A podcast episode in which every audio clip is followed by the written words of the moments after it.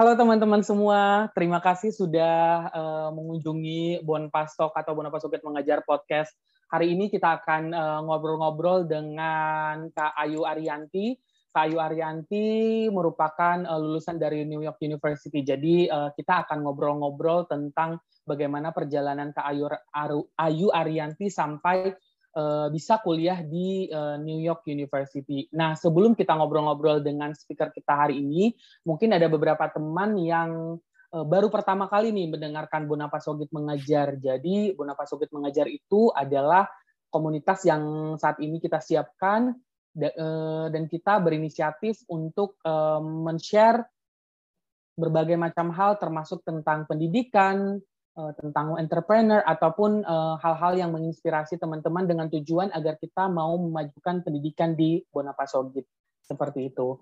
Nah, teman-teman yang baru pertama kali mendengarkan Bonapasogit mengajar, boleh banget loh uh, follow media sosial kita karena di media sosial kita ini nanti kita akan uh, selalu update kegiatan-kegiatan Bonapasogit mengajar. Kita ada di Instagram @bonapasogit mengajar, kemudian kita ada juga di YouTube Bonapa Sogit Mengajar dan kita ada juga di Spotify yaitu Bonapa Sogit Mengajar. Nah, sebelum kita ngobrol-ngobrol dengan speaker kita hari ini, aku akan sedikit uh, share ke teman-teman mengenai profil dari Kak Ayu Arianti SHMPA. Kak Ayu Arianti merupakan lulusan dari Universitas Pajajaran mengambil jurusan sarjana hukum di tahun 2011 sampai tahun 2015. Kemudian beliau melanjutkan pendidikan S2-nya mengambil jurusan Master of Public Administration di New York University Robert F. Wagner Graduate School of Public Service itu di tahun 2018 sampai di tahun 2020. Sebelumnya eh, pengalamannya di profesional, Kak Ayu Arianti pernah menjadi associate di Rose di Januari 2016 sampai eh, Maret 2018 kemudian melakukan internship di United Nations Department of Economic and Social Affairs itu di Mei 2019 sampai Agustus 2019. Kemudian beliau juga ikut dalam Project Associate Women's Enterprise Development Center di tahun 2019 eh, bulan September sampai dengan Mei 2020. Beliau juga sampai saat ini aktif menjadi eh, mentor di mentorship program 2021 Indonesia Mengglobal dan uh, saat ini bekerja di Center for Indonesian Strategic Development Initiative atau ISDI sampai saat ini seperti itu. Nah, prestasinya sendiri Kak Ayu Arianti uh, berhasil mendapatkan uh, beasiswa dari Lembaga Pengelola Dana Pendidikan atau yang kita kenal LPDP. Kemudian uh, beliau juga uh, mendapatkan penghargaan uh, sebagai Fellow of Ellen Shaw Experience Fund itu di tahu di bulan April 2019 dari New York University. Langsung aja kita akan ngobrol-ngobrol ngobrol dengan Kak Ayu Arianti. Hai Kak Ayu. Halo. Hai hai selamat. Eh hari ini kita take di eh, selamat siang ya Kak. Apa kabarnya nih Kak Ayu? Baik, baik. Ya masih sehat walaupun Indonesia sedang cuaca badai. Iya, puji Tuhan ya. Yang penting kita uh, saat ini harus sehat gitu ya. Iya. Dan masih di tengah pandemik sampai tahun ini 2021 kita masih pandemik, jadi kita tetap harus jaga kesehatan gitu ya, Kayu. Iya, betul. By the way, thank you banget nih Kak Ayu udah menyempatkan waktunya eh, ngobrol-ngobrol dengan kita Bonapa Soget mengajar. Walaupun aku tahu nih Kak Ayu pasti sibuk di pekerjaannya, tapi masih menyempatkan waktunya untuk berbagi dengan kita. So aku mau, uh, aku dari tim Bonapa Soget mengajar juga mau mengucapkan terima kasih banyak buat Kak Ayu. Hmm, sama-sama. Aduh seneng, makasih loh udah diundang. Sama-sama Kak Ayu. Nah, Uh, seperti yang tadi saya sudah sampaikan, jadi hari ini kita akan ngobrol-ngobrol dengan uh, Kak Ayu mengenai uh, perjalanannya Kak Ayu nih uh, berkuliah di New York University. Tapi sebelum kita uh, membahas tentang NYU, uh, aku akan uh, ngobrol sedikit tentang uh, Kak Ayu kan uh, selesai S1 itu uh, kuliah hukum. Mm-hmm. Terus habis itu uh, jadi asosiat juga atau uh, jadi konsultan hukum benar ya kak? Iya betul. Nah, pada saat jadi konsultan hukum, uh, bekerja profesional gitu ya, terus akhirnya kepikiran kayaknya aku mau lanjut kuliah lagi deh. Itu uh, kira-kira kenapa kak? Nah, jadi, uh, waduh, ceritanya mm -mm. background lagi nih. Nah, jadi gini, uh, dulu ketika apa ya saya praktis hukum mm-hmm. entah kenapa kok uh, hati saya kok kayaknya saya pengen deh kerja di uh, ke pembangunan internasional makanya saya senang kerja di UN kebijakan okay. kesehatan makanya di situ uh, saya mulai uh, melihat lagi jalan lain dari uh, karir hukum saya memang okay. uh, tapi to be honest saya nggak pernah nyesel saya nggak pernah nyesel masuk hmm. sekolah hukum saya nggak pernah nyesel saya membangun karir juga saya nggak pernah menyesali itu saya malah ketika saya pindah dari hukum terus ke kebijakan publik saya ngelihatnya ini cuma dua sisi koin yang sama kalau kita ngomong hukum kita ngomong um, kebijakan yang diimplementasikan oleh uh, pihak swasta. Sementara kalau misalnya di kebijakan publik, kita jadi pembuat kebijakannya nih. Nah, jadi saya um, buat saya itulah cerita saya pindah uh, dari hukum ke kebijakan hmm. publik. Memang sih sempat ditanya ngapain, padahal kan uh, jadi lawyer aja. Cuma kan ya namanya kalau udah passion ya udah sih, okay. memang diikuti. Oke, okay, berarti memang emang udah minat gitu ya kak untuk uh, membahas tentang kebijakan-kebijakan publik seperti hmm. itu ya. Oke, okay.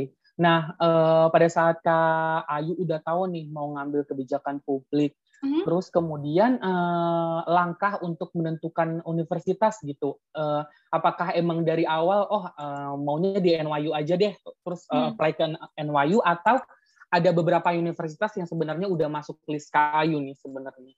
Oke, okay, jadi kalau saya mungkin karena saya dari awal juga ngincar LPDP, hmm. jadi saya mulai dari daftar universitas yang dikeluarin oleh LPDP. Nah, oh, gitu. di situ saya mulai dari situ dulu. Nah, oke okay, oke. Okay. Sisi kedua kota. Saya tuh kan uh, big city girl ya, jadi ketika saya milih kotanya nih, saya cuma uh, saya memang pengennya kota gede yang oh, uh, banyak museum, banyak uh, seni, terus yang fun. Jadi memang saat saya milih itu kotanya saya cuma pilihan saya cuma dua, kalau nggak New York, London. Udah, oh, okay. aja. Saya nggak ke mana-mana lagi. Nah, uh, ketiga, saya juga mikir uh, kalau di Amerika ada namanya uh, eh, GRE test. Di kalau di oh. Indonesia itu kayak uh, matematika dasar gitu deh gitu. Cuma okay, okay, okay. kebetulan karena saya lemah di matematika, jadi saya uh, begitu saya lihat soal GRE-nya uh, halaman pertama Enggak dulu deh gitu ya lemes-lemes udah dah jadi okay, makanya okay. itu kenapa saya juga nyari uh, univ apalagi yang di US yang hmm. tidak mewajibkan GRE di mana di situ okay. NYU tidak NYU atau New York University tidak mewajibkan mm -hmm. Jadi uh, ketika saya milih univ mana yang saya mau fokuskan saya cuma milih University of College London atau UCL, okay. London School of Economics atau LSE, dan hmm. New York University NYU. Oke, okay, berarti pada saat itu ada tiga pilihan gitu ya kak yang uh, kira-kira sesuai dengan apa yang akan uh, kak Ayu apply. Nah, uh, tadi kan aku dengar uh, pas uh, aku juga tadi info bahwa kak Ayu tuh uh, dapat beasiswa LPDP. Nah, sebelum kita ngobrol ke situ, mm-hmm. uh, Kak Ayu daftar kuliah, uh, daftar ke UNIF dulu, baru daftar LPDP atau barengan Kak? Kalau saya UNIF dulu, baru LPDP. Oh, UNIF dulu, baru LPDP. Ya. Oke. Okay. Secara nah, pribadi, nah, saya memang merekomendasikan dapat uh, UNIF-nya dulu. Gini deh. Oke. Okay. Coba kita mikir gini, kalau kita jadi LPDP, kita hmm. dikasih pilihan dua kandidat, yang sat, uh, dua-duanya aplikasinya sama bagus. Bedanya hmm. yang satu udah diterima di UNIF, yang satu belum. Nah, coba kalau aku tanya balik nih, mau milih yang mana? Kan yang udah dapet UNIF? Iya sih, yang kayak yang udah pasti gitu ya. Nah, iya, gitu. Jadi secara personal memang uh, saya lebih uh, menyarankan uh, dapetin dulu deh letter of acceptance dari universitasnya dulu karena itu kan bisa dibilang kita 70% udah tinggal jalan. Kita cuma butuh duit, yeah terus jalan. Nah, gitu. Jadi itu kalau saya pribadi LOA dulu baru beasiswa. Beasiswa. Nah, mungkin ini itu tuh salah satu tips nih buat teman-teman yang mungkin berencana mau uh, nge-apply beasiswa, beasiswa apa pun uh, salah satunya termasuk LPDP gitu ya. Hmm. Jadi uh, salah satu tips dari Kak Ayu adalah pastikan udah dapat uh, letter of acceptance-nya dulu. Hmm. Mungkin nanti akan mempermudah teman-teman untuk dapatin beasiswanya, beasiswanya kurang lebih begitu ya Kak Ayu ya. Ya. Nah, Nah, kita lanjut lagi ngobrol nih. Tadi kan Kak Ayu uh, bilang bahwa ada tiga ada tiga universitas yang kakak apply. Mm -hmm. Nah, akhirnya uh, diterima di New York University itu prosesnya gimana, Kak? Nah, pertama memang kita mesti siapin dulu dokumen-dokumen yang diminta. Nah, ke, jadi gini, pengalaman saya daftar ketiga univ, memang uh, dokumen yang diminta itu uh, kebanyakan hampir sama. Pasti minta tes okay. bahasa Inggris dong. Tes bahasa Inggris pasti minta. Kalau nggak IELTS, uh, TOEFL. Kebetulan saya ngambilnya waktu itu IELTS karena saya ngikut Swift dan uh, Amerika juga. Uh, kebetulan karena waktu saya daftar um, beasiswa dan kampus saya kan masih jadi uh, pegawai, jadi hmm. masih uh, masih menghemat.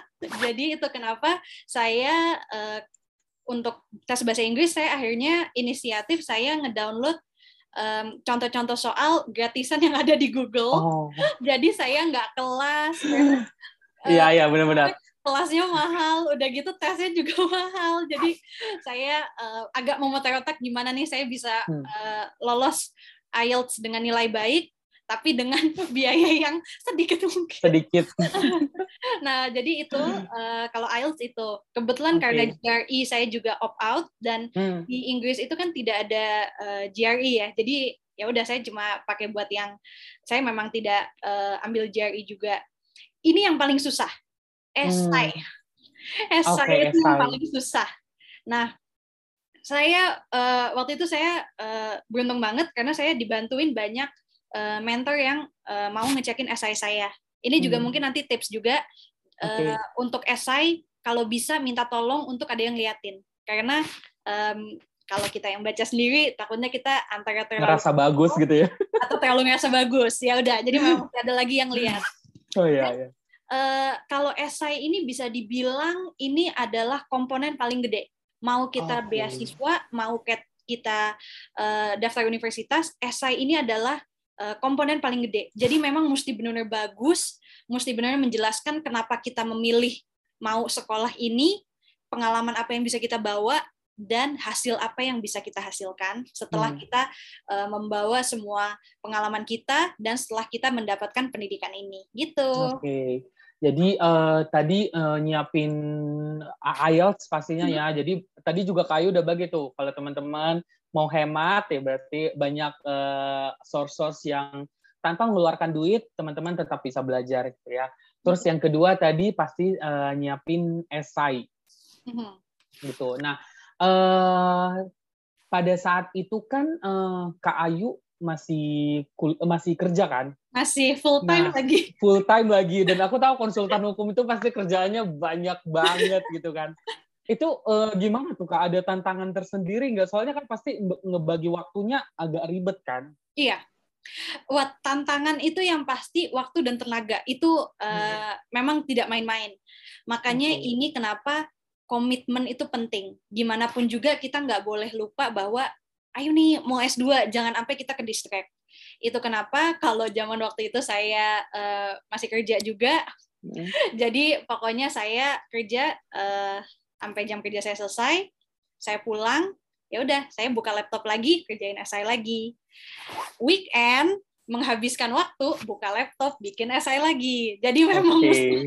ada ada pengorbanan banyak lah nggak yeah. main uh, tidur yeah, juga okay. pasti nggak full dan juga ini um, memang kalau ketika saya waktu itu masih kerja um, itu salah satu alasan kenapa cuti saya cepat sekali habis karena pasti uh, pengen uh, punya waktu satu hari full saya urus esai aja mesti cuti okay. dong masa uh, apa namanya kabur kan kamu alasan gitu mungkin kan dan juga ini ketika kita nanti uh, persiapan tes IELTS atau mungkin kalau teman-teman yang mau um, kuliah ke Amerika ada tes LSAT buat yang uh, sekolah hukum atau GRE hmm. untuk sekolah kebijakan juga itu mungkin kalau ada yang mesti ambil kelas ya udah harus komit habis ngantor okay. kelas lagi weekend kelas lagi nanti juga uh, ketika mau ujian mesti cuti karena itu nggak bisa kita uh, setengah-setengah pulang ngantor habis itu ikut iya benar sih kasihan uh, sayang di tesnya gitu loh nah jadi memang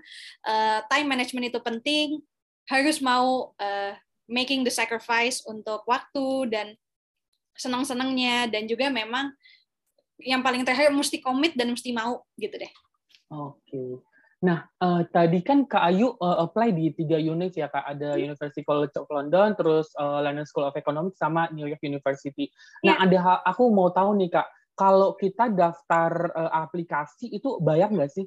Kalau aplikasi pasti bayar. Fee application oh, fee-nya. Okay. Berarti uh, ada fee application-nya ya? Ya, makanya uh, waktu itu mungkin ini salah satu alasan kenapa saya juga nggak ambil kelas uh, IELTS juga hmm. karena application-nya ya saya uangnya mending saya pakai buat application gitu iya, karena tetap uh, itu kan pakai currency negara tujuan kalau ke waktu itu saya NYU ya in dollars ketika hmm. saya ke LSI atau UCL ya udah pound sterling gitu Oke. Okay, mesti mau nabung Jadi, sih, mesti mau nabung ya. harus nabung ya. Kalau misalnya mau kuliah ke luar negeri, mau beasiswa atau nggak beasiswa, tetap ada uh, apa ada dana yang harus disiapkan ya kak kayak iya memang mesti komit juga, gitu ya. yuk gitu oke okay, oke okay. nah uh, kita mau tahu nih kak uh, perjalanan uh, aku mau tahu kayak ke pengumumannya dulu deh kan okay. tadi apply ke tiga unit itu pasti deg-degan banget kan kayak yang mana nih yang keterima gitu kan eh hey, by the way itu uh, pengumumannya tuh online atau kayak dikirim surat ke kantor atau ke rumah gitu atau gimana kak? Online. Online semua ini, ya. Ini ada cerita lucu sih pas saya di okay, okay. um, jadi ketika uh, eh, UCL dan LSI itu Um, kebetulan yang dua itu saya ditolak, ya saya okay. ditolak. That's it. Itu memang kenyataannya saya ditolak. Jadi okay. memang ketika itu saya dapat um, informasi penolakan ketika saya di kantor. Jadi lagi oh, habis wow. dapat pengumuman terus masih mesti kerja. Iya ya udah udah dong, gitu. masih konsen gak sih? Aduh dan memang kan masih aduh masih ya aku nggak dapet masih begitu nah okay. yang lucu NYU itu pengumumannya yang paling terakhir jadi ketika saya dapat oh. pengumuman NYU saya udah ditolak LSI dan UCL duluan nah pagi-pagi okay. uh, dan udah ditolak dua univ dong pasti kayak hmm. nanti kan kayak ouch gitu jadi ketika dapat uh, email dari NYU pagi-pagi tuh saya benar-benar lagi mau jalan ke kantor tiba-tiba huh? dapat email uh, status aplikasi saya udah ganti.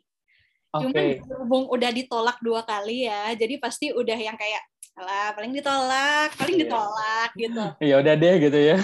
udah gitu hari itu saya harus meeting sama uh, deputy director law firm saya. Oke. Okay. Itu, itu bos-bos banget ya gitu. Iya, agak-agak harus serius banget gitu ya. Cuman waktu itu saya ada delay di meeting saya. Nah, saya delay, saya agak mati gaya dong. Uh, materi meeting udah tahu semua. Jadi ya udah deh iseng buka apa sih paling ditolak. Jadi saya kaget sekaget-kagetnya ketika yang tertulis adalah congratulations. Sampai saya oh gini, my God. kenapa saya diselamatin ya? What, what is this? Gitu. Nah, oke. Okay. setelah itu saya malah bengong aja di tempat duduk sampai deputy director uh -huh. saya ayo ayo meeting oke okay, oke okay, gitu pas meeting saya cuma mangut mangut iya iya gitu begitu saya balik uh, ke tempat duduk saya lagi baru saya ngaku sama manajer saya. Uh, jadi tadi meetingnya uh, pasti saya ditanyakan meeting apa tadi? Uh, hmm. meeting apa ya tadi? Jadi terus saya malah yang kayak iya tadi meetingnya begini oke. Okay. uh, terus dia ngeliat saya kok mukanya bingung banget yuk kenapa? Gitu baru saya ngaku uh, jadi ini baru diterima di NYU saya baru tahu setengah jam yang lalu lima menit sebelum masuk meeting dengan deputy director kantor saya. Oh, wow. aduh otaknya udah tiba-tiba loncat ke New York. Waduh pasti aduh nggak kebayang sih itu pasti. Soalnya kayak ngebaca congratulation itu aja kayak oke. Okay. kayak gue apa diselamatin apa nih? What is iya. oke okay, nah uh, setelah Kak Ayu uh, dapat uh, apa letter of acceptance-nya dari NYU, hmm. terus kemudian uh, itu langsung uh, itu udah dapat uh, beasiswa LPDP juga atau sebenarnya masih dalam proses Kak? Saya belum aja saya aja belum mulai daftar LPDP pas dapat. Oh.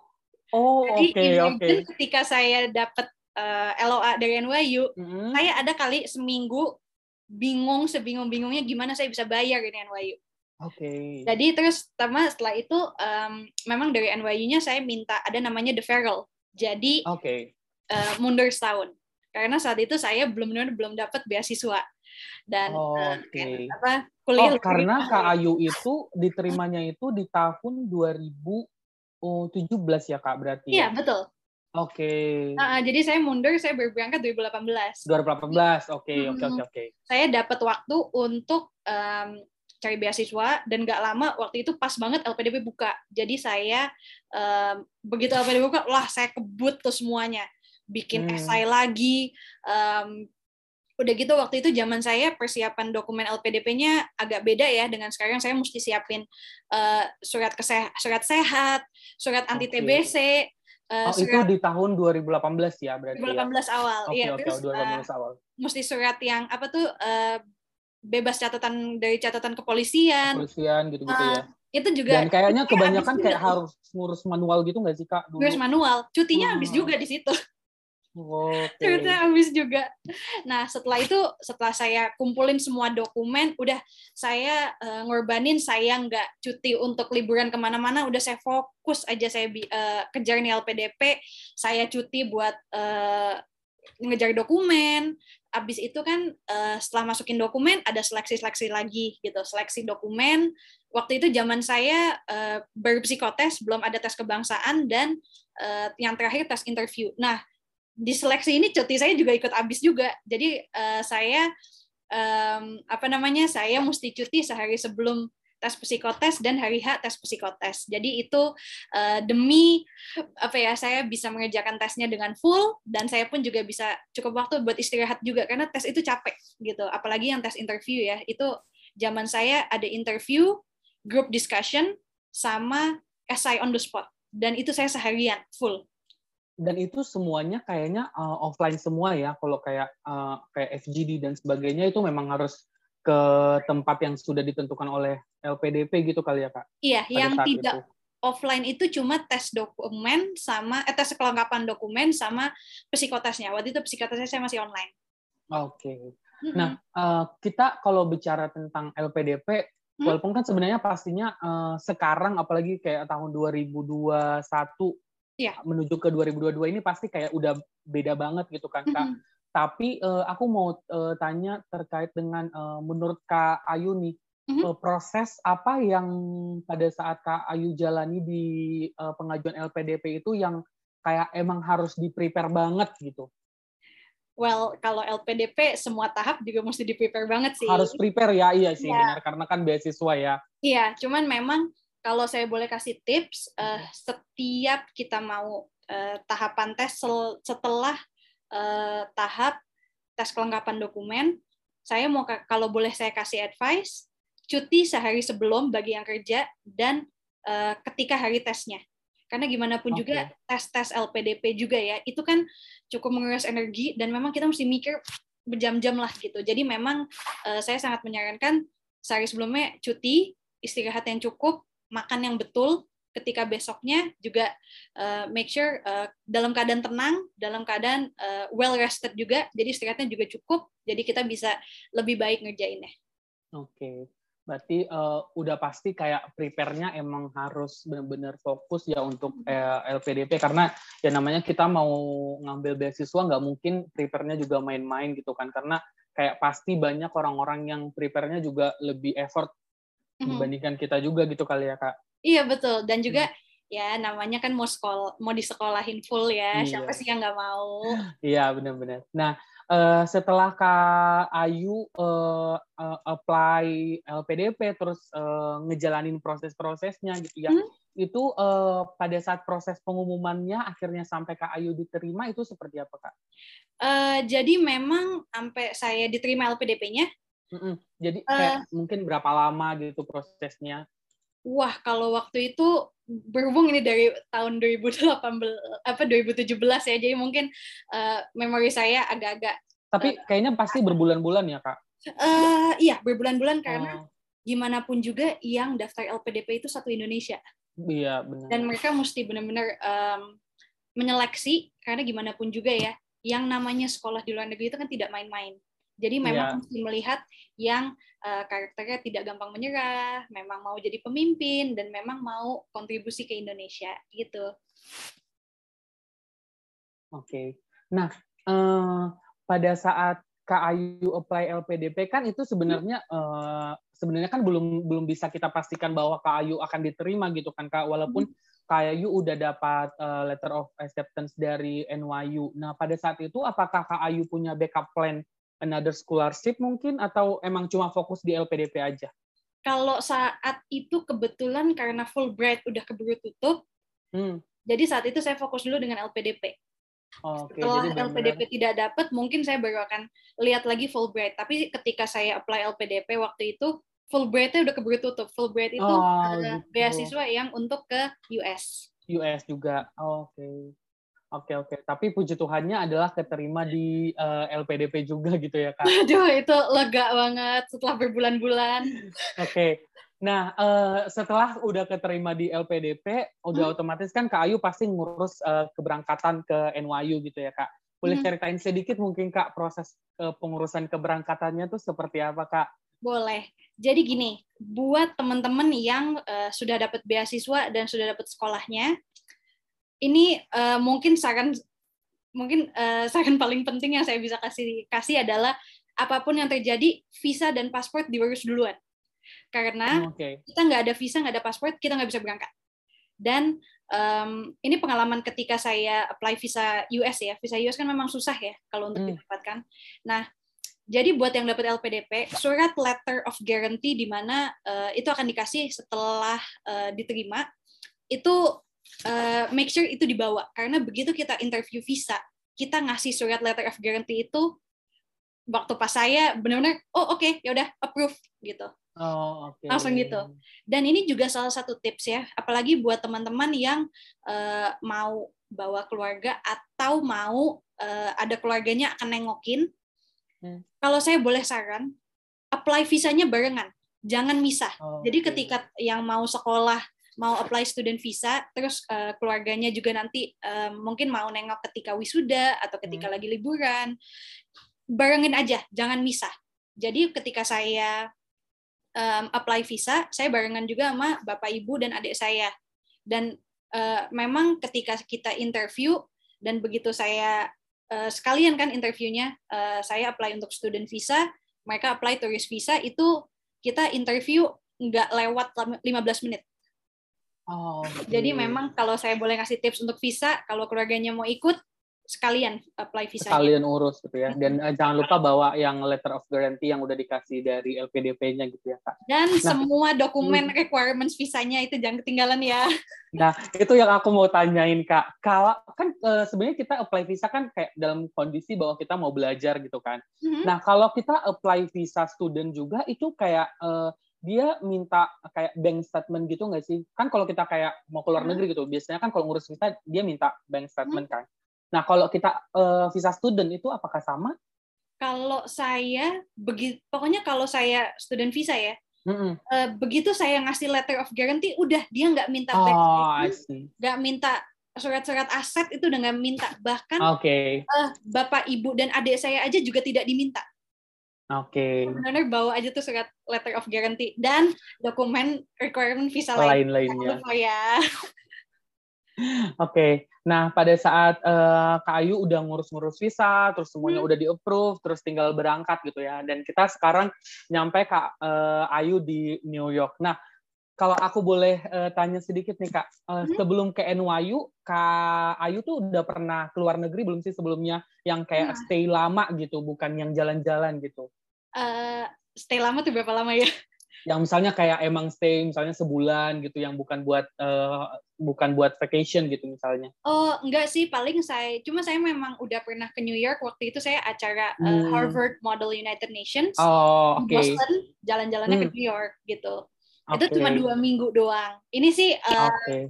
little tips juga dari bukan little tips ya kayak background story dari saya juga. Ketika saya jalan-jalan ke New York pertama kali, saya nggak berani ke NYU, saya nggak berani ke Columbia. Karena takutnya saya ke situ, saya jadi pengen, terlalu pengen, terus nggak nyampe. Iya, iya, iya, iya. Ya. jadi, oke. Okay. Ternyata sekarang malah, aduh kejadian. Jadi, gitu deh. Oke, okay, nah kan uh, Kayu pada saat itu udah pernah nih ke New York. Nah, kedua kali ke New York, aku mau tanya nih ke Ayu masih culture shock nggak sih? Kalau uh, saya enggak sih, maksudnya. Oh, udah uh, enggak ya? Uh, untuk mungkin karena saya saya tuh senang ya maksudnya uh, mendalami uh, budaya yang beda hmm. dengan budaya Indonesia saya. Jadi ketika saya uh, sekolah terus soal culture shock, saya lebih culture shock uh, dengan um, first semester apa semester satu saya. Okay. Jadi tapi kalau soal teman-teman punya teman yang uh, dari Indonesia atau hmm. teman-teman hmm. yang backgroundnya beda banget dengan saya beda uh, kebangsa beda kewarganegaraan beda bahasa beda agama ras segala macam uh, buat saya itu tidak pernah culture shock karena saya benar-benar welcome banget gitu loh. Oke. Okay. Hmm. Cuma nah, tadi shock pas sekolahnya itu. Oke. Okay. Nah, kita sekarang ngobrol-ngobrol kalau culture shock sekolah. Nah, hmm? pada saat uh, Kak Ayu lulus S1 kan itu ada jarak lah ya, kayak uh, berapa tahun gitu uh, Kak Ayu jadi konsultan hukum. Nah, habis itu ngelanjut uh, sekolah lagi, itu uh, gimana tuh perasaannya Kak? Masih ke bawah dunia pekerjaan kah? Atau kayak ya udah uh, sebelumnya udah pernah S1 gitu? Uh, nggak gitu juga sih, soalnya gimana pun juga sekolah di Indonesia dan sekolah di sana beda. Saya beda uh, banget. Ya, buat saya yang okay. cukup bukan shock ya, maksudnya lebih hmm. ke memang cukup berat dijalankan adalah mau masuk kelas aja mesti baca puluhan halaman paper. Itu mau masuk kelasnya, belum mau ujiannya. Okay. apa kalau mau ujiannya uh, bacaan kelas dikali lagi ya. Dan uh, ketika semester satu saya ambil itu empat kelas. Oke. Okay. Jadi bisa dibayangkan betapa uh, seminggu aja berapa puluh paper yang harus dibaca. Nah, yeah. itu cukup uh, apa ya? Memang cukup capek-capek sih hmm. gitu loh. Apalagi semester satu kan kalau begitu sampai New York kayak New York the city that never sleeps kan maunya yeah. jalan jalan-jalan gitu ya sementara hari-hari itu stuck di perpustakaan okay. oh mau apa dandan udah oh, udah nggak nggak kepikir minum kopi udah kopi ketiga hmm. jadi memang itu uh, memang itu mungkin salah satu alasan kalau yang namanya mau sekolah memang harus komit jadi okay. untuk uh, memastikan bahwa jangan ke bawah langsung terus nah Hmm. Itu itu cukup culture shock. Kedua memang uh, gaya saya tuh culture shock gaya nulis.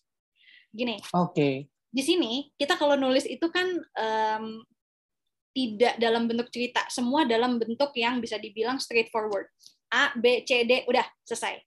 Nah, di sana hmm. di Amerika uh, sebuah paper yang bagus itu akan uh, nilainya paling tinggi kalau disajikan dalam bentuk uh, cerita. Jadi memang ada flow yang membuat uh, orang Amerika itu membuat kita nyaman bacanya gitu loh. Nah, itu saya cukup struggling karena memang ini kan budaya menulis yang benar-benar jauh beda gitu. Nah, itu cukup buat saya itu cukup culture shock sih di mana hmm. saya yang biasanya nulis uh, straightforward tiba-tiba harus menulis dengan bahasa-bahasa yang bisa dibilang poetis ya. Uh, enhancement improvement. Hmm. nah itu tuh yang begitu-begitu tuh yang memang bisa dibilang cukup culture shock sih. Oh oke. Okay. nah uh, mungkin dari pengalaman Kak Ayu ada yang mau di uh, ada yang mau di sharing Kak tips buat teman-teman yang saat ini mungkin masih uh, duduk di bangku kuliah S1 gitu ya. Nanti rencananya mau ada S2 biar nggak kaget-kaget banget gitu ya Kira-kira uh, kebiasaan-kebiasaan apa sih yang mungkin mulai harus dibangun uh, saat ini supaya bisa nyiapin diri, apalagi buat teman-teman yang pengen kuliah S2 di luar negeri gitu, Kak? Boleh. Dari segi proses belajarnya. Oke, okay. uh, kalau saya jujur um, pengalaman saya sekolah di S2 juga di NYU, saya sangat menyarankan buat teman-teman yang mau kuliah S2, kalau bisa punya pengalaman kerja dulu, minimal satu tahun. Hmm. Karena gini, di sana itu kalau um, apa ya versi kelasnya adalah diskusi. Jadi gitu sistem kelasnya okay. sistem diskusi. Dan uh, kalau diskusi itu banyak yang membawa um, pengalaman kerjanya masing-masing. Jadi hmm. akan lebih enak untuk diskusi kita ketika kita bisa bawa budaya kerja kita, pengalaman kerja pengalaman, kita gitu ya. uh, dibawa ke kelas. Makanya itu kenapa uh, memang banyak uh, yang mau S1 langsung S2, oke, okay, nggak apa-apa. Cuma kalau saya boleh menyarankan berdasarkan pengalaman saya, kerja dulu deh, satu dua tahun aja baru sekolah. Jadi Oke, buat nah, dapat si pengalaman yang tadi ya kak. Pengalaman yang tadi dan juga kalau kita udah punya pengalaman kerja ya, nulis esainya lebih enak karena kita bisa okay. bawa apa yang terjadi sama kita di dunia kerja dan gimana itu bisa kita connect dengan um, apa ya apa yang ingin kita hasilkan setelah kita lulus gitu loh. Gimana bisa mengalign apa pengalaman kerja sebelum dengan outcome yang mau kita buat. Nah, itu satu. Hmm, itu satu. Yang kedua, kalau saya boleh saran, jangan lupa mimpi mau uh, kuliah ke luar negeri. Gimana pun juga, kuliah ke luar negeri itu uh, gampang banget ketunda. Saya waktu itu iya. ketunda beberapa bulan. Hmm. Jadi dulu ketika saya masih kerja di law firm, um, saya uh, bulan awal saya udah semangat 45 banget mau kuliah ke luar negeri. Tiap hari cari informasi di website, tiap hari uh, apa namanya kenalan sama alumni tapi itu nggak lama, saya dipindahin ke departemen dan departemen ini menjadi comfort zone saya. Oke. Okay. Tiba-tiba saya jadi nyaman, saya jadi lupa saya mau sekolah uh, kuliah ke luar negeri. Untungnya tidak lama saya uh, lupanya gitu, cuma beberapa bulan aja, tapi tetap kan masih lupa. Nah, jadi di situ saya pengen menyarankan juga jangan lupa sama mimpinya. Karena kadang-kadang kalau kita udah duduk dengan nyaman di comfort zone, tiba-tiba nggak nyadar setahun, dua tahun, tiga tahun udah hilang tiba-tiba mau sekolah lagi bisa aja makin susah gitu. Jadi yeah. itu, mm -mm. karena comfort zone kadang-kadang itu menjadi sebuah musuh, karena bisa kita kita bisa mendelay rencana kita mau kuliah. Okay. Ini juga yang uh, saya um, sangat sangat um, menyarankan untuk dirubah mindsetnya juga. Hmm. Gini, kita ini kan kadang-kadang uh, apalagi kita ya gitu, uh, saya juga termasuk. Kadang-kadang kita suka sungkan ya mau minta tolong. Nah, hmm. buat teman-teman yang memang punya uh, ke, um, kecenderungan seperti itu, coba diganti. Jangan sungkan minta tolong. Kita mau sekolah ke luar negeri, suka nggak suka kita butuh pertolongan orang lain. Kita hmm. butuh uh, orang lain yang mungkin bisa bantu ngecekin esai kita, bantu ngasih kita petunjuk kalau kita udah mau berangkat, atau yang bisa uh, yang paling deket bisa menyemangati kita. Ayo dong, ayo semangat lagi sekolah. Nah, jadi uh, jangan sungkan untuk minta tolong. Dan yang ketiga, jangan uh, lupa cari info yang banyak. Ketika saya mau ke NYU, UCL, LSI, saya uh, menghabiskan mungkin beberapa jam dalam sehari untuk cari info di internet. Itu okay. nanti bisa di website, bisa di um, ada pasti ada perkumpulan alumni juga. Nah, bisa aja tuh itu di kontak dan yang terakhir ini paling penting komitmennya harus ada dari se uh, sejak kita bilang oke okay, saya mau kuliah di luar negeri sampai nanti lulus komitmen itu tidak boleh hilang karena begitu komitmennya hilang kita jadi ke distract malah yang tadinya mau sekolah malah jadi mikirnya senang-senang aja padahal yeah. kalau di sana uh, komitmen uh, untuk sekolah harus diimbangi juga dengan ayo untuk senang-senang, untuk refreshing, tapi nggak boleh lupa sama salah satunya gitu. Oke, benar banget nih kak. Karena uh, uh, kalau misalnya kita udah memutuskan untuk kuliah, apalagi kita dibiayai oleh negara gitu ya, kalau uh, untuk teman-teman yang uh, nanti misalnya mau apply LPDP ya benar-benar harus bertanggung jawab di perkuliahannya gitu ya kak. Iya, karena kalau enggak banyak yang mau menggantikan, banyak yang mau dapat hmm. gitu. Benar sekali. Oke, okay. nah ngomong ngomong-ngomong sebelum kita uh, ngobrol tentang uh, jurusan yang Kak Ayu pilih gitu ya. Karena tadi kan uh, Kak Ayu bilang uh, semester semester satu tuh benar-benar berat banget gitu ya. Uh, bisa dibilang kayak stressful lah gitu. Mm-hmm. Nah, gimana cara Kak Ayu uh, untuk handle uh, stressful itu? Karena kan pasti uh, berangkat ke kuliah ke New York terus bisa dibilang ya jauh dari keluarga gitu ya. Walaupun hmm. ada teman-teman mungkin. Tapi kan kadang-kadang kayak mungkin kita mikir sendiri banyak pekerjaan uh, apa dari kuliah banyak eh, tugas-tugas dan segala macam. Nah bagaimana kak Ayu handle uh, stresnya pada saat itu kak? Um, kalau saya gini um, memang ini time management itu segala-galanya gitu kalau bisa ketika saya di sana uh, begitu saya weekend saya sebisa mungkin jangan uh, jangan uh, mikirin soal sekolah dulu karena gimana pun hmm. juga di sana itu yang namanya senang-senang ya mau liburan mau hangout sama teman-teman mau jadi turis dalam sehari juga itu sebenarnya penting untuk mental health-nya karena gimana okay. itu yang namanya sekolah itu capek sekolah itu stres memang iya apalagi hmm. kalau yang namanya udah uh, minggu ujian itu kalau saya waktu itu minggu ujian saya sampai izin sama semua yang ada di Indonesia bahwa saya akan menghilang selama dua minggu karena okay. saya mau ujian jadi um, buat teman-teman yang memang mau uh, kuliah di luar negeri, memang capek, memang stres, tapi jangan lupa untuk senang-senang. Senang-senang di sana itu dibutuhkan, bukan hanya untuk semata senang-senang aja ya, tapi memang itu hmm. dibutuhkan hmm. untuk membalance stres yang kita dapetin dapetin ketika kita sekolah.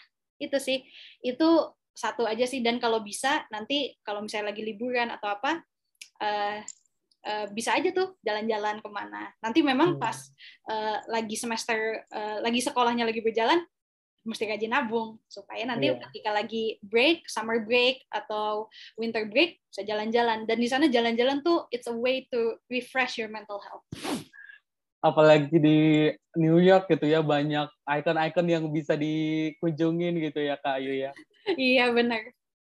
Oke, nah sebelum kita ngobrol lagi uh, tentang uh, apa uh, lebih lanjut tentang jurusan yang Kak Ayu pilih, hmm? ada satu uh, tempat yang mungkin Kak Ayu apa ya memorable gitu ya di New York apa Kak?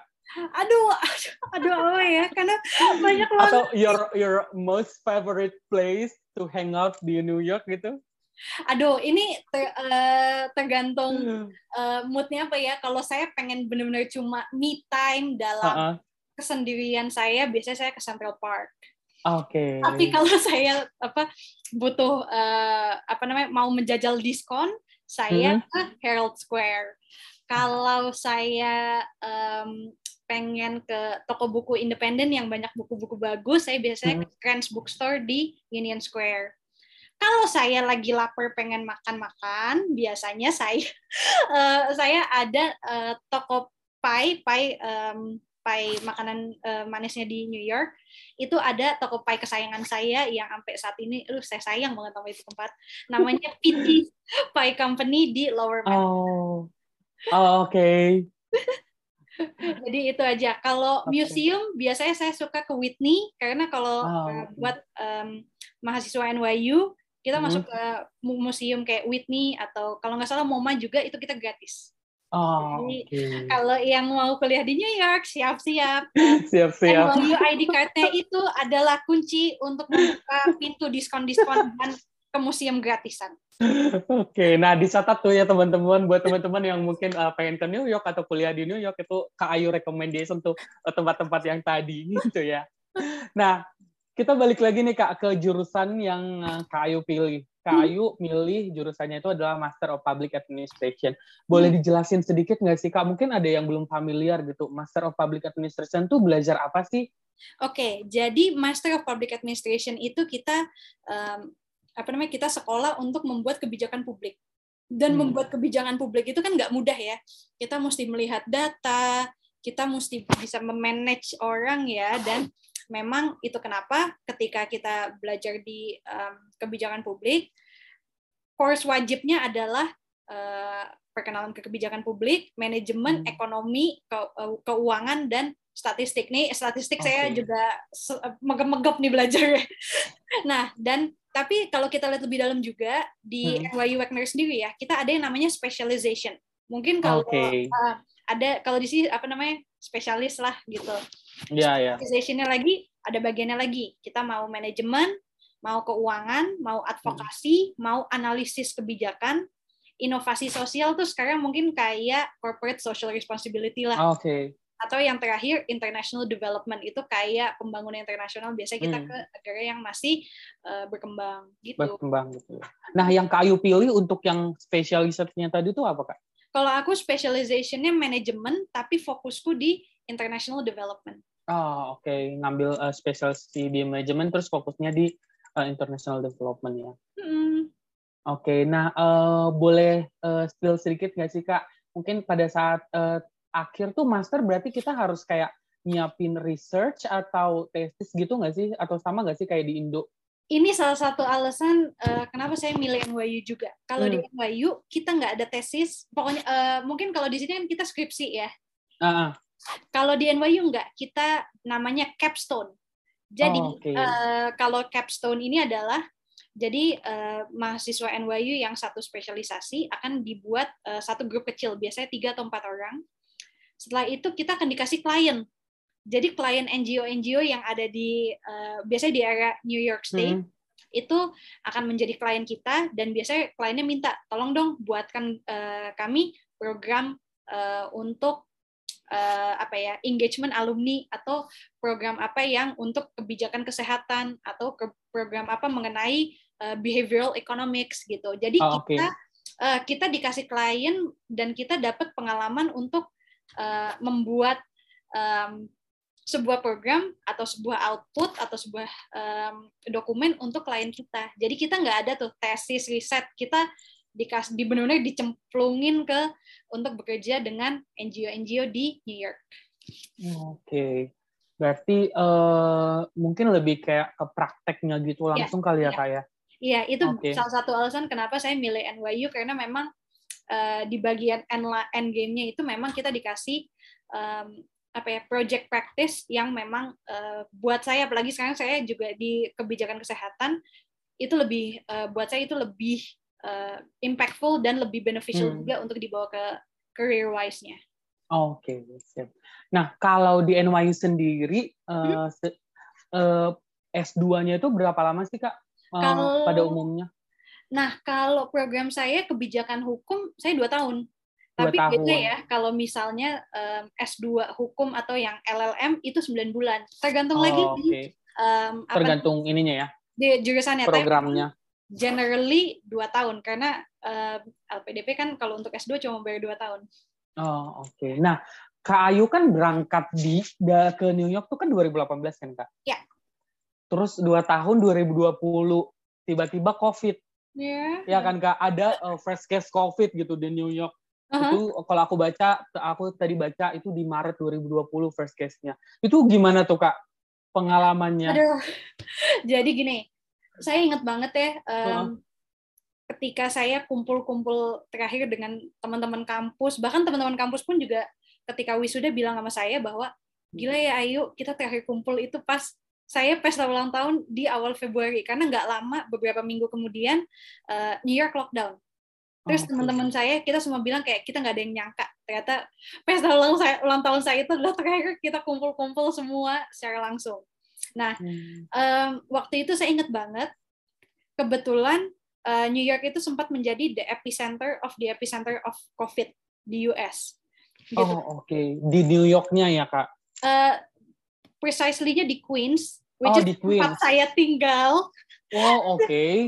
Jadi um, ketika itu zaman gimana ya saya yang tadinya doyan banget belajar di perpustakaan saya tuh nggak hmm. nggak hmm. nggak suka belajar uh, online di kamar tidur aja gitu saya nggak uh, hmm. bukan uh, gaya saya jadi tiba-tiba saya uh, dapat email Uh, suatu hari it was just a normal day gitu loh. Sehari sebelumnya hmm. saya masih uh, ke kampus, saya masih ketemu sama teman-teman saya.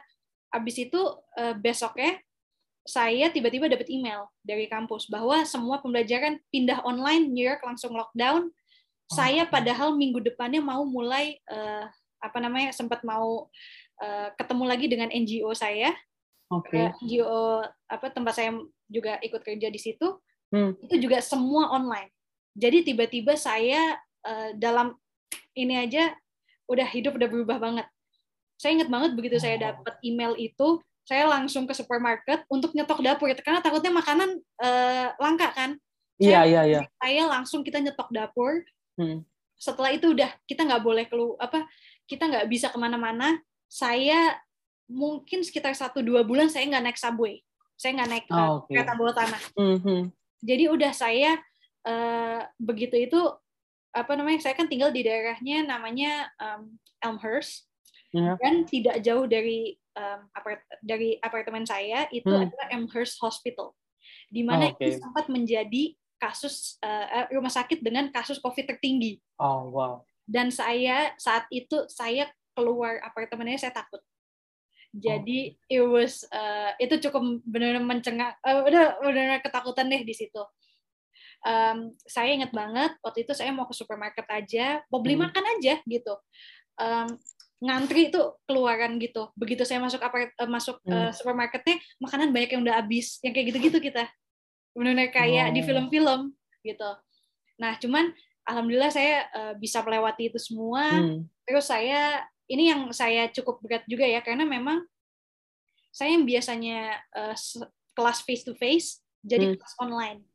Dan saat oh, okay. semester terakhir saya, saya ambil kelas online di mana kelasnya itu cuma sekali setiap dua minggu, tapi sekalinya kelas itu hampir enam jam. Oh, Saya selama semester terakhir itu saya hampir tiap hari ini migraine karena hmm. kecapean, hmm. kecapean dan pusing ngeliatin. Uh, kan matanya lelah kan? Matanya lelah, udah hmm. gitu juga capek. Saya pokoknya saya kena migraine dan karena saya uh, apa ya saya harus duduk dengan posisi yang kurang enak, saya sampai kena sakit punggung juga. Jadi itu uh, awal-awal lah saya merasakan uh, WFO untuk hmm. melatih WFO saat ini dan um, cuma setelah itu yang bikin benar-benar saya aduh hati saya cukup aduh saya sakit hati banget itu adalah saya wisuda online aduh oh, itu sedih okay. banget bapak ibu saya padahal udah siap mau berangkat ke New York mulai saya wisuda hmm. tiba-tiba semua online hmm. uh, hopefully sih katanya tahun depan kita mau wisuda in person nih doain ya. Oh wow, oke okay, oke. Okay. Jadi itu cuman tetap saat itu ketika saya wisuda online, saya ngarepnya saya bisa wisuda langsung uh, yeah. ada keluarga saya, ketemu yeah. teman-teman saya gitu. Ya semua itu udah online semua. Jadi memang sulit, sulit banget hmm. dan yang lebih sulit lagi setelah itu adalah dunia resesi kena yeah. ekonomi. Jadi memang uh, cukup lama sampai saya bisa mendapatkan pekerjaan lagi gitu loh. Jadi memang um, memang kalau di ngomong susah susah banget gitu. Hmm. 2020 tuh tahun sulit gitu. Tapi memang gimana pun juga saya tetap ingat bahwa ayo nggak boleh nyerah di sini gitu loh. Tetap harus lanjut, harus lanjut lagi gitu. Jadi memang ya saat itu wah kecampur aduk, takut, stres, capek. Hmm. Um, abis itu juga kalau ngomong sedih sedih banget. Tapi ya gimana pun juga uh, saya harus mengasampingkan semua itu saya harus lanjut lagi gitu iya betul betul banget nah yang uh, mau aku tanya kak uh, pasti kan uh, situasi pada saat itu kayak uh, banyak banget situasi-situasi uh, yang nggak nentu gitu ya yang tiba-tiba hmm. di lockdown lah terus pasti kan uh, kalau aku lihat juga kayak di luar negeri bahkan di Indo sendiri kayak panic buying gitu ya yes. itu sempat ngerasa down gitu nggak? Uh, kalau saya sih saya down cuma karena saya berasa dikunci dalam apartemen saya. Itu saya down di situ. Saya nggak bisa ketemu teman-teman. Itu buat saya cukup down. Cuman kalau dalam keadaan panic buying atau apa saya yang penting uh, saya masih punya stok makanan di dapur dengan uh, roommate hmm. saya. Saya masih sehat. Saya masih bisa beli masker dan vitamin. Udah saya udah bersyukur aja lah kalau di situ. Apalagi di dalam situasi kayak gitu ya. Iya benar banget sih. Nah wah Gak kerasa nih udah hampir lewat dari satu jam loh kita ngobrol-ngobrol seru banget. Semoga nanti kita bisa ngundang Kayu lagi ya. Oh iya, aduh, saya tuh selalu senang kalau kalau diundang untuk ngobrolin uh, pengalaman S2 saya. Jadi yeah. akan undang aja. Nah, buat teman-teman mungkin juga kalau misalnya kayak masih penasaran gitu ya? Ceritanya Kak Ayu. Kak Ayu itu juga aktif uh, di Indonesia Mengglobal loh, teman-teman. Jadi teman-teman bisa uh, lihat di Indonesia Mengglobal. Di situ ada beberapa tulisannya Kak Ayu tentang uh, pengalamannya Kak Ayu kuliah di uh, New York University. Jadi jangan lupa cek di Indonesia Mengglobal gitu ya. Dan saat ini juga Kak Ayu masih aktif jadi uh, mentoring di Indonesia Mengglobal gitu kan Kak? Uh, Sebenarnya programnya udah selesai sih, cuman saya oh, udah selesai. Uh, saya memang sih salah satu hal yang gimana pun juga ini mungkin bukan tanggung jawab ya cuma kan dulu hmm. ketika saya siap-siap mau sekolah banyak yang bantuin jadi sekarang saya senang okay. juga bantuin yang lain jadi ketika saya biasanya nggak lama setelah saya nulis artikel di Indonesia Global hmm. banyak yang suka ngontak banyak yang suka nanya info, nanyain info nah di situ biasanya saya uh, mementor orang dari situ Oh, I see. Oke, okay. jadi kalau misalnya teman-teman mau lihat, jangan lupa cek di Indonesia Mengglobal ya untuk tulisan-tulisan Kak Ayu itu benar-benar bagus-bagus banget dan aku juga udah sempat baca, jadi kayak aku tertarik banget gitu ngeliat, uh, denger langsung gitu dari Kak Ayu. Nah, eh, nggak uh, terasa nih waktu kita udah habis. Uh, tapi aku mau minta Kak Ayu buat uh, terakhir mungkin kayak tips atau pesan-pesan kali ya buat teman-teman, khususnya buat teman-teman yang lagi dengerin Bonapa Sogit mengajar podcast hari ini yang mau melanjutkan studinya S2, baik itu di luar negeri ataupun mungkin mau di Indonesia aja gitu. Mungkin boleh Kak Ayu silahkan Kak. Boleh. Yang satu yang penting komitmen, jangan lupa kalau mau sekolah ke luar negeri, jangan terlalu nyaman sama keadaannya, dan yang ketiga uh, jangan sungkan minta tolong sama orang karena memang uh, mau persiapan sekolah ke luar negeri itu itu nggak bisa sendiri. Oke. Okay. Hmm. Baik, terima kasih banyak ya Kak Ayu atas waktunya. Semoga Kak Ayu eh, karirnya semakin sukses. Terus pastinya kita juga semuanya eh, dalam keadaan sehat-sehat sampai kita bisa melewati pandemik ini. Dan aku juga mengucapkan terima kasih banyak buat teman-teman yang sudah dengerin Bonapa Soget Mengajar Podcast. Jangan lupa buat teman-teman follow uh, media sosialnya Bonapa Soget Mengajar karena nanti kita akan uh, update uh, kegiatan-kegiatan Bonapa Soget Mengajar. Atau mungkin uh, Kak Ayu uh, boleh diinformasikan media sosialnya mungkin kalau misalnya ada yang mau tanya-tanya ke Kak Ayu tentang uh, perkuliahan khususnya di New York University mungkin Kak Ayu. Silahkan Kak. Boleh. Jadi um, kalau ada yang mau ngontak, mungkin paling gampang kontak saya via LinkedIn dulu ya.